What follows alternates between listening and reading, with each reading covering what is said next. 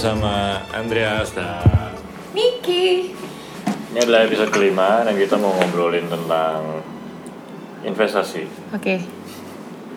Niki Baik. ceritain dong.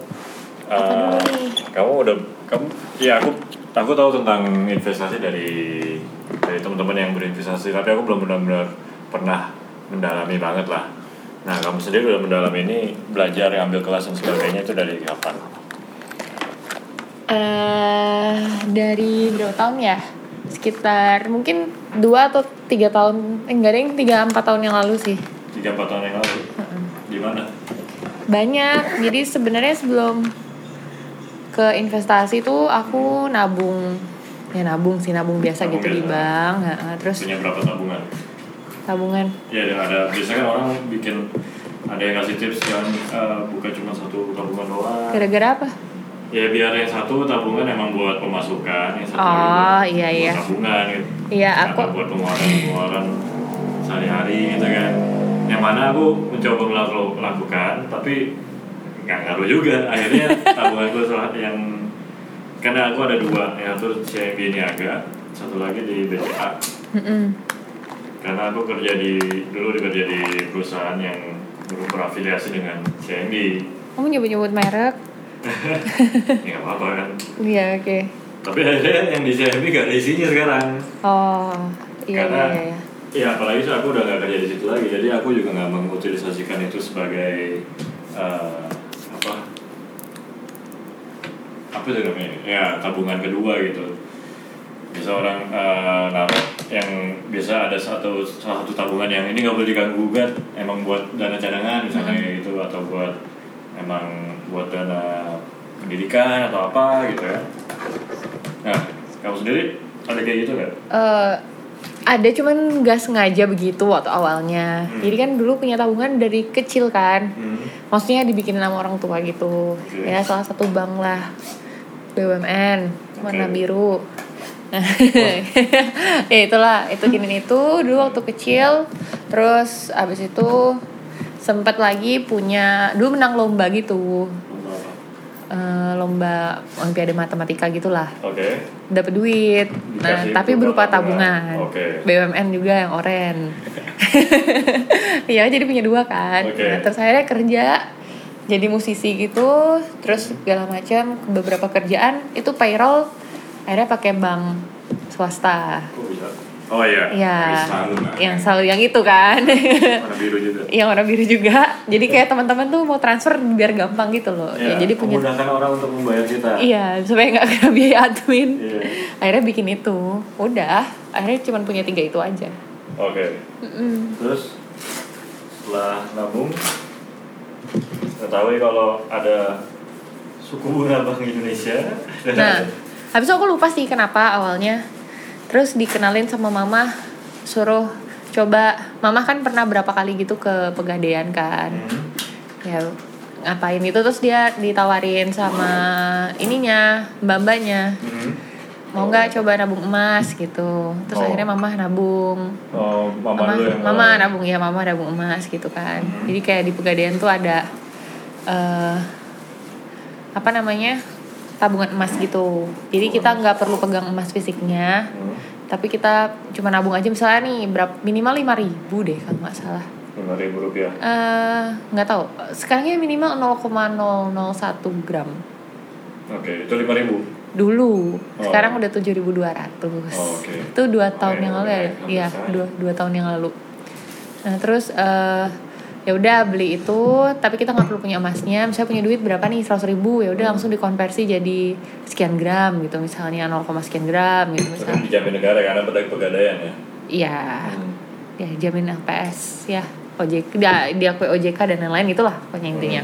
Oke. terus ya udah habis itu aku diracunin gitu sama mamaku suruh coba sana nabung duitnya gitu. Gini dulu juga nggak ngerti kenapa nabung ya nabung aja gitu kan. Ya udah akhirnya aku nabung emas Oke. dikit-dikit gitu dulu seratus ribu seratus ribu gitu Jadi awalnya kamu uh, belajar tentang investasi selain nabung itu adalah Mm, emas. di emas Oke. heeh, di emas ya udah kan nanti ininya eh, apa namanya pokoknya mama bilang dulu nggak ngerti inflasi apa apa gitu dulu aku nggak ngerti lah pokoknya masih jongkok lah ekonominya Itu dulu kelas berapa? kan. SMA SMA udah belajar tabung emas. SMA ya enggak deh kuliah deh nabung emas kuliah tapi tapi mamah tuh nabungnya dari aku SMA cuman aku kayak masih Oh. mager-mager gitu loh. Kayak Oke. apa sih? Gitu. Wah nggak usah lah gitu. Hmm, dulu dulu sebelum nabung emas mama beli emas batangan. Hmm. simpen simpen gitu. Cuman kan lama-lama terus ada ada ditawarin itu sama orang pegadaiannya. Terus Hmm. ya udah coba gitu. Nggak ribet juga kan nggak harus megang emas fisik gitu kan. Eh, udah gitu ya udah. Udah habis dari situ nabung emas lanjut. Hmm. Dulu belum tahu investasi yang lain kan ya udah nabung emas nabung emas nabung emas Terus? terus akhirnya tahu oh ini ternyata manfaatnya buat apa gitu setelah aku jalan setahun nabung baru aku mi- mikir nih buat apa sih rugi nggak sih sebenarnya nabung emas gitu Hmm. oh ternyata bisa menyaingi inflasi gitu baru aku cari tahu sebenarnya detail inflasi itu seperti apa ya aku tahu inflasi itu kenaikan harga-harga barang gitu aku tahu tapi aku nggak segitunya mendalami dan ya. ngulik gitu ya udah gitu terus oh ternyata kalau nabung emas bisa terhindar dari inflasi oh ternyata ini komoditas yang stabil untuk jangka panjang gitu Apa itu artinya ini. terhindar dari inflasi? Jadi misalnya kalau nabung di bank kan misalnya nih nilai 20 juta sekarang itu Hmm. tahun depan kan misalnya inflasi berapa? Eh, misalnya 3 sampai 10 persen itu sampai 11 persen itu misalnya per tahun. Per tahun. Nah nilai uang 20 juta ha- tahun ini Hmm. itu bisa aja setara dengan nilai uang 22 juta tahun depan Oke. misalnya atau 21 juta tahun depan atau berapa ya ada loh kal- kalkulator inflasi di internet juga ada. Oke. Nah, jadi kalau misalnya kita nabung di bank yang bunganya kecil, itu tuh nilai uang kita tuh menyusut gitu loh. Oke. Jadi misalnya aku nabung 20 juta, Hmm. terus eh, aku diemin nih di bank, tabungan biasa ya, bukan deposito kan deposito bunganya beda. Nah, tabungan biasa, terus misalnya bunganya 2% gitu misalnya per tahun. Hmm. Ya udah terus jadinya cuman paling berapa 20 juta tahun 20 depannya. 20, koma- ya sekian itulah nggak nyampe Oh, 21 kan nah iya. kayak gitu kan nah Hmm. sementara nilai uang 20 juta di tahun itu itu udah setara sama uang 22 juta jadi kita ibaratnya tahun ini hmm. tahun ini kita bisa beli barang yang misalnya satu laptop harganya 20 juta tahun depan kita 20 juta tuh udah nggak dapet laptop yang sama Oke. kayak gitu Harganya naik. jadi ya ada 20 juta kayak gitu nah cuman kalau di emas emas itu kan harganya ikut naik terus juga kan Hmm. setara lah lajunya mirip-mirip dengan inflasi jadi setidaknya bisa ngekip uang kita di nilai yang sama gitu Oke. gitu sih akhirnya Oke, ini tadi aku mau nanya dulu lagi tentang inflasi, cuman kayaknya ntar itu pasti pembahasannya jauh ba- banyak banget itu. Hmm. Nah, terus habis itu setelah setelah itu setelah belajar tentang inflasi, aku lupa lupa juga sih kenapa bisa kamu mulai tiba-tiba nabung di deposito atau Oh iya, sempet mulai coba nabung deposito kan. Hmm. Duit tabungannya udah mulai agak banyak gitu Hmm. waktu itu.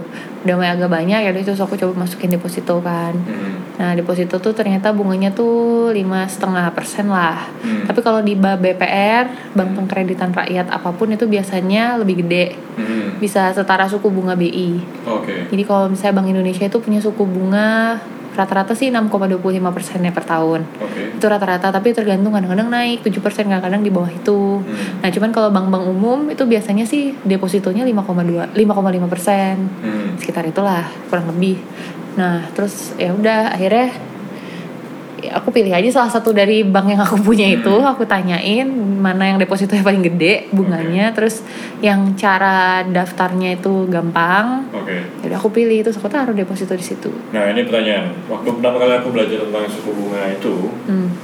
itu kan berarti apakah misalnya nilai X persen yang sama itu berlaku untuk eh, tabungan maupun kredit pinjam kredit ke bank Hmm. sama nggak? Hmm, itu kebijakan masing-masing bank sih cuman aku nggak tahu kayak eh Soalnya ini berpengaruh juga terhadap ini kan apa kenapa bung, suku bunga Bank Indonesia itu dinaikin turunin tergantung ekonomi eh, situasi ekonomi dan negaranya. iya kan. iya iya Apakah lagi mau didorong orang-orang pada nabung hmm. atau didorong orang-orang pada pinjem? Hmm, iya sih masuk akal. Tapi aku nggak ngerti sih kenapa. Maksudnya nggak ngerti kenapa ke- nggak sedalam itu ngulik kenapa bank Ah. itu eh netepin segini segini segini. Pokoknya intinya Kayak sih gitu. ini eh, kenapa kita mesti tahu tentang eh, suku bunga Bank Indonesia ya. Aku sendiri sebenarnya belum belum benar dalami banget, tapi maksudnya konsepnya adalah kita nyari eh, investasi atau tabungan yang sebisa mungkin nilainya bisa lebih gede daripada ya suku bunga Eh, bukan Indonesia. gitu atau atau tingkat inflasi setidaknya lebih. Tingkat investasi sesuai. Jadi sebelum ke investasi sebenarnya sebelumnya kita harus tahu nih tujuan finansialnya apa. Hmm. cuman dulu aku kan nggak kepikiran gitu kan. Maksudnya nggak kepikiran dulu mau punya duit berapa terus mau buat apa. Dulu nggak punya lah rencana finansial anak SMA gitu kan nggak tahu apa apa gitu. Nah waktu kuliah aku mulai bergaul sama teman-teman gitu kan. Saya kayak ada beberapa teman-teman yang mereka ya ada yang apalah trading bitcoin lah trading forex lah terus Oke. ada yang main di eh, bukan main investasi di saham trading saham atau apa terus aku mulai kayak entah kenapa tiba-tiba tuh keseret ke sana gitu. Hmm. keseret ke pergaulan kayak gitu. Oke. terus akhirnya aku mulai ngulik ngulik ngulik ngulik terus aku ikut kelas saham. Sama aja? Sama oke terus? Mbak kuliah ikut kelas saham terus aku ngulik banyak gitu kan macam-macam eh, tentang saham terus akhirnya aku ikut kelasnya workshop gitu. Tujuh kali pertemuan gitu di Bali ada komunitas iStock namanya. Oke. Nah itu terus akhirnya aku baru mulai ngerti. Terus aku beli beberapa buku juga. Terus aku ngulik reksadana juga. Hmm. terus aku beli beberapa buku baca tentang investasi. Ternyata yang penting itu bukan instrumennya apa dulu tapi tujuannya kita mau apa. ke mana dulu. Iya kayak gitu dalam dalam jangka waktu tertentu nah mencapai apa betul kayak gitu itu akan menentukan jenis investasi yang perlu dilakukan Mm-mm. nah terus ya secara idealnya sih kalau misalnya mau investasi tuh harus sehat keuangan dulu Hmm. Nah, sehat keuangan itu indikasinya Artinya? apa? Hmm. Yang pertama harus punya emergency fund Hmm. Dan darurat. Emergen- Emergency fund ini tuh kalau misalnya kayak terjadi hal-hal yang tidak diinginkan gitu, mesti kita harus berhenti kerja entah di PHK atau kecelakaan atau apa gitu kan. betul Eh, terus nggak kerja selama misalnya 3 sampai 6 bulan gitu. Nah, itu kita harus punya backup, tetap bisa hidup Hmm. eh, selama itu, selama masa-masa itu. Oke. Jadi nilainya sih bagusnya idealnya tuh eh, enam kali pengeluaran per bulan. Oke. Tapi sebenarnya tiga kali pengeluaran per bulan juga udah cukup gitu. Oke. Maksudnya ya udah cukup lah sih gitu. Masih bisa lah kita investasikan ke yang lain setelah ada ti- dana tiga kali tiga kali pengeluaran per bulan, Per bulan. ya. Tuh satu bukan tiga kali gaji tapi tiga kali pengeluaran tiga kali pengeluaran per bulan idealnya. Hmm. Nah, ya udah itu. Terus yang kedua nggak punya utang Hmm. atau kalau punya utang utangnya harus utang produktif. Utang produktif artinya Misalnya utangnya itu kita ngutang untuk aset. Hmm. Misalnya kayak running bisnis kayak gitu kan misalnya ada utangnya Hmm, atau modal. apa pun dan utang itu sebisa mungkin tidak boleh lebih dari 30% gaji. Cicilannya per bulan. oh, oke Ya, kayak Hmm. gitu. Itu baru bisa dikatakan sehat keuangan. Terus Oke. punya asuransi. Minimal lah BPJS ya kan Hmm. sekarang Hmm, udah betul. ada banyak produk asuransi, tapi ya minimal BPJS lah maksudnya nggak disediakan pemerintah, nggak mahal juga Hmm. gitu kan. Kayak gitu, minimal BPJS harus punya. Terus eh apa lagi ya? Ya kurang lebih itu sih. Oke. Cukup untuk ini. baru berinvestasi Baru setelah idealnya berinvestasi setelah sehat keuangan gitu oke gitu. Terus ya udah terus akhirnya tinggal pilih deh tujuannya apa gitu. Kalau misalnya tadi emergency fund emergency fund harus taruh di mana gitu. Kalau Hmm. menurutku sih sebaiknya taruh di tempat yang liquid gampang dicairin. Hmm. deposito misalnya. Deposito kan ada macam-macam ada satu bulan tiga bulan enam bulan setahun gitu kan.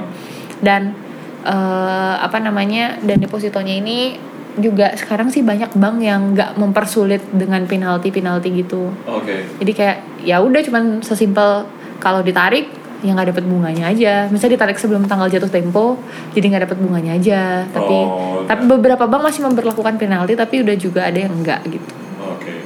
Kayak gitu itu deposito. Jadi liquid kan jadi gampang buat dicairin gitu. Oke. Tapi keuntungannya juga nggak besar. Hmm. maksudnya bisa dibilang dia hanya menutupi inflasi gitu loh. Karena dia hanya mengikuti suku bunga Bank Indonesia kan jadi ya udah naiknya lima setengah persen gitu ya kalau misalnya inflasi 5% persen ya udahlah apa ya istilahnya imbang gitu Hmm. nah udah gitu doang bukan untuk mencari keuntungan tapi untuk mengamankan dana itu aja gitu Oke. Gitu. Nah, pertanyaan selanjutnya adalah kalau gitu eh mau misalnya kita mau investasi ke reksadana sama mau ke investasi ke saham itu sebenarnya sama atau beda sih? Nah, bedanya gini terus kan ada lagi investasi itu modelnya kayak tadi emas. Hmm. nah itu ya sebenarnya tergantung orang aja. Kalau misalnya memang pengen invest di komoditi ya udah bisa di emas gitu. Itu Atau ada yang di community misalnya ya apa? properti, ya gitu. benar benar benar. Itu Oke. itu tapi kan Atau di gitar. Kayak ngatik itu kan hal-hal yang kurang Lukisan. kurang liquid. Ya betul. Kal- tapi kalau tabungan emas pegadaian liquid sih. Bisa langsung kapan aja ditarik. Betul. Tapi kalau misalnya yang berupa produknya kita beli barangnya gitu misalnya kayak emas batangan atau apa harus ngejual lagi dan itu kurang liquid kan Hmm. cuman ya kalau misalnya pas pintar ngejualnya ya dapat untungnya lumayan kayak Hmm. gitu gitu nah itu apa ya aku bilang preferensi aja sih Mhm. jadi nggak ada bener salah gitu kan nah terus kalau emas sama eh kalau reksadana sama saham itu bedanya tuh cuman di jadi gini reksadana jadi ada investasi ke obligasi juga kan. Mhm. ada investasi ke saham. Nah itu kita tuh bisa beli langsung obligasi. Surat utang negara itu kita bisa beli langsung. Mhm. saham itu kita bisa beli langsung. Oke. Reksadana itu adalah ketika kita beli obligasi dan beli saham lewat orang lain. Oh. Namanya manajer investasi. Oke ya mis- misalnya lewat aplikasi-aplikasi itu juga ya bisa ya itu adalah reksadana yang diwakilkan Iya, di belakang ada manajer investasi. Kalau kalau aplikasi itu kan lebih ke platform ya. Hmm. Jadi itu platformnya aja gitu. Tapi kita belinya sih ke manajer investasi itu. Oh, oke. Jadi ya sama aja gitu. Nah, bedanya tuh cuman sesimpelnya analoginya kayak kalau misalnya kita beli kayak kita mau pergi nih ke mana gitu kan dari Bali gitu misalnya ke Jakarta gitu. hmm. Kalau beli saham kita nyupir sendiri. Hmm. Kalau beli reksadana kita naik bus gitu, Hmm. ada yang nyupirin, Oke. bisa tidur di jalan, nggak perlu tahu apa-apa, ya udah tinggal Oh, pilih aja bus yang bagus, tahu-tahu nyampe. Hmm. Nah, tapi jadinya kan kurang ada fleksibilitas, terus jadi harus rame-rame gitu, Hmm. kayak gitu gitulah. Iya, iya, benar. nah, itu kalau misalnya kita nyetir sendiri, kita harus tahu jalan, Hmm. Harus bisa nyetir, Hmm. harus ngerti tentang produknya itu seperti apa, analisanya seperti apa kayak gitu. oke Jadi kalau untuk orang awam terus misalnya dia nggak ada waktu gitu untuk ngulik, ngulik saham mending lebih aman di reksadana. Tapi Oh, oke. lebih kecil ininya keuntungannya. hmm. Kalau misalnya ada waktu ngulik, terus misalnya melek sama makroekonomi gitu, kejadian ada berita apa aja gitu tentang perekonomian Indonesia atau apa, Hmm. sebaiknya bisa langsung beli sahamnya sendiri karena bisa memaksimalkan profit. oke Gitu. Itu aja sih.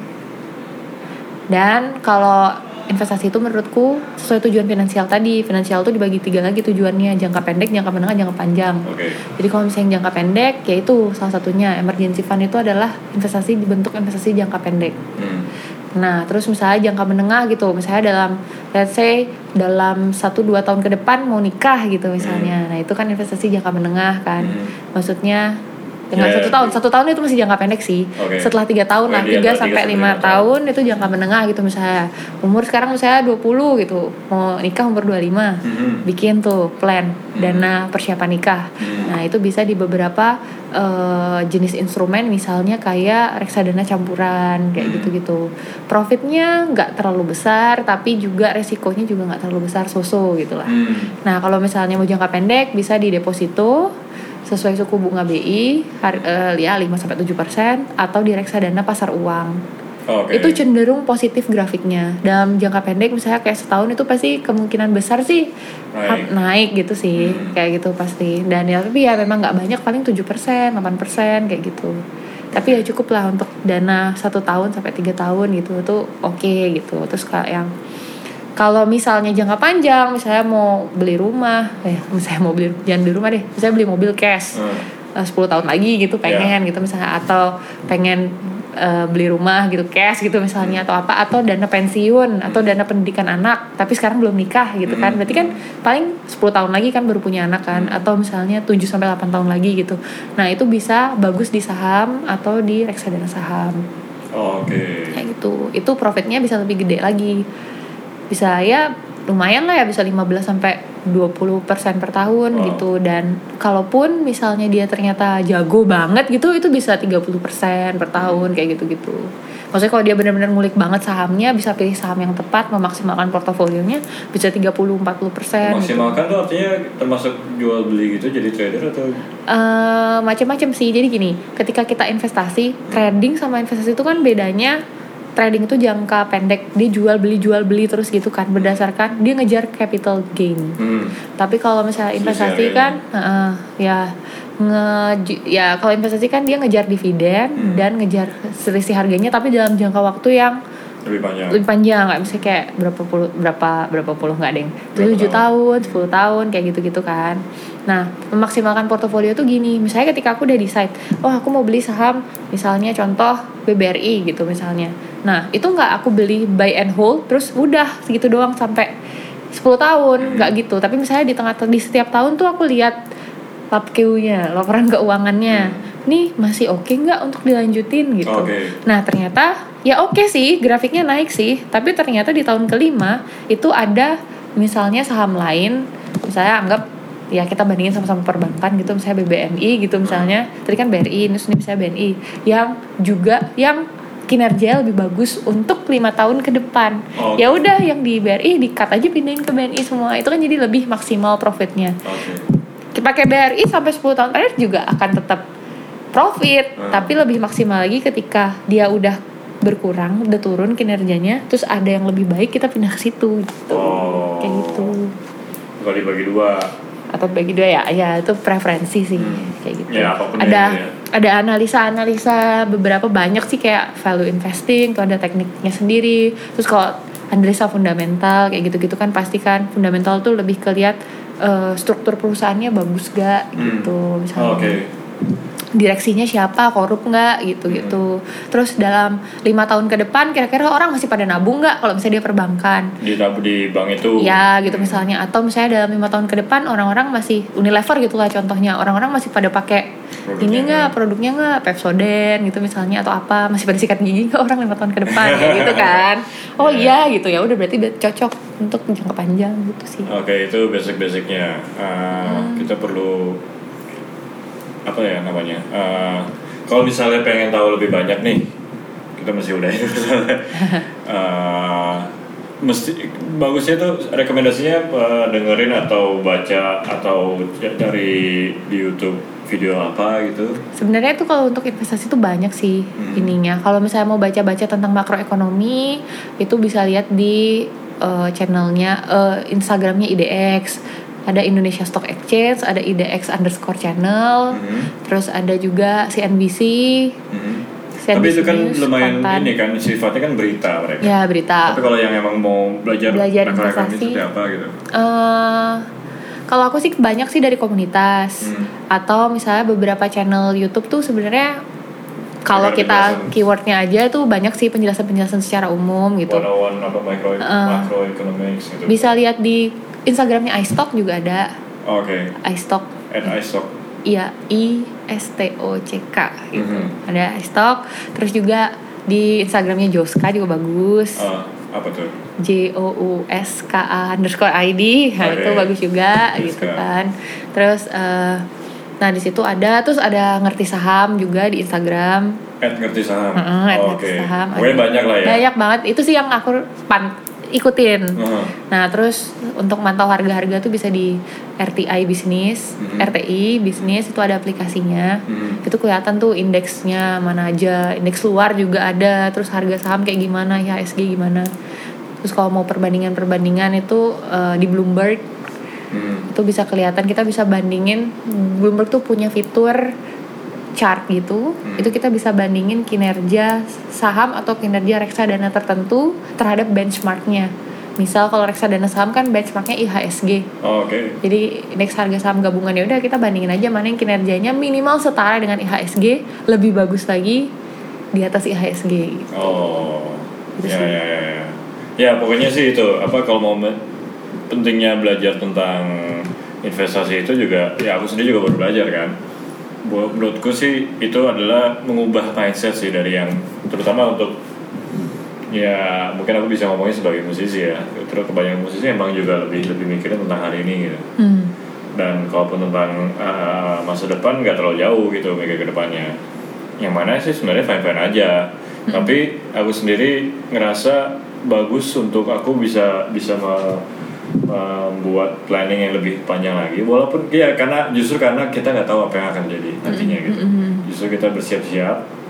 Uh, dan menurutku mindset seperti itu akan sangat membantu ketika kita pengen punya karir yang panjang gitu. Hmm. karena eh, nggak cuman untuk berkarir juga tapi terutama buat teman-teman yang akan apa berencana untuk berkeluarga. Menurutku sih ini penting banget untuk bisa punya uh, perencanaan yang lebih panjang supaya uh, kita bisa membahagiakan mereka gitu. Ya memang sih bahagia itu nggak cuma dari uang aja. Cuman uang itu kan salah satu yang uh, memudahkan kita untuk um, mengambil banyak keputusan lah dalam hidup. Mm-mm. karena tanpa uang kita lebih sedikit aja uh, kepilihannya gitu opsinya yang kita tidak bisa ambil. Jadi uh, buat teman-teman yang mau belajar lebih banyak itu tadi yang disebutin sama Niki bisa dipelajari. Sebenarnya banyak kok apa di di YouTube itu yang berbahasa Inggris apalagi uh, mau mau belajar tentang finance fi- uh, financial gitu. Aku sendiri juga masih banyak uh, dengerin banyak nonton video untuk makin ngerti apa itu uh, istilah-istilah dalam dunia finansial. Ya sebenarnya lebih ke itu dulu sih. Kita harus sadar dulu. Mhm. kita financial statement apa ya? Ke- kita tuh ada di mana posisinya sekarang. Mhm. terus kita pengen mencapai apa. Mhm. Terus ya udah terus kita tinggal bikin financial plannya seperti apa baru kita tentuin instrumennya mau apa kayak gitu Betul. nah dan masing-masing instrumen itu juga kalau mau dibahas jadi panjang gitu Hmm, jadi pasti. mungkin harus bikin segmen-segmen sendiri Hmm. gitu kan Mhm. dan ya tadi ya bener sih lebih ke lebih asik aja dan terutama ketika yang mau berkeluarga tadi nambahin Hmm. karena kebanyakan masalah utama keluarga adalah finansial. finansial betul Ketika eh, finansialnya bermasalah tuh kayak semuanya jadi bermasalah Iya, gitu. akan jadi masalah. Kayak ya ya gitulah. Jadi intinya lebih enak ketika ini kan sebenarnya kalau ingin invest kan misalnya contoh untuk dana pendidikan anak gitu sekolah misalnya mahal Hmm. terus misalnya orang tua orang tua dulu gitu kan banyak yang misalnya ngutang gitu buat Hmm. kuliah anak atau apa gitu Betul. kan sama-sama dicicil kan Hmm. nah mumpung sekarang belum ada tanggungannya atau misalnya memang ada uang lebih ya dicicilnya dari sekarang aja lebih Nyicil enak daripada nyicilnya nanti gitu Betul. Nah. dalam konteks hutang gitu ya kan selagi kita masih punya energinya Benar. Ya mendingan melakukan itu daripada ketika kita udah gak punya energinya kita harus masih harus melakukan itu gitu. Mm. harus nyicil seperti itu. Harganya mahal harganya mahal. Mahal secara waktu mahal secara kesempatan. Benar, itu Ya. sih. Kalau aku sih invest sih sebenarnya intinya adalah supaya nanti kalau punya anak nggak perlu kerja sekeras itu, Iya supaya kamu bisa punya, punya waktu, waktu, lebih banyak benar, kayak gitu gitu sih. ya itu penting banget sih oke eh, kalau gitu nanti kita akan lanjutin dengan topik lainnya di episode ke-6 keep growing Oke.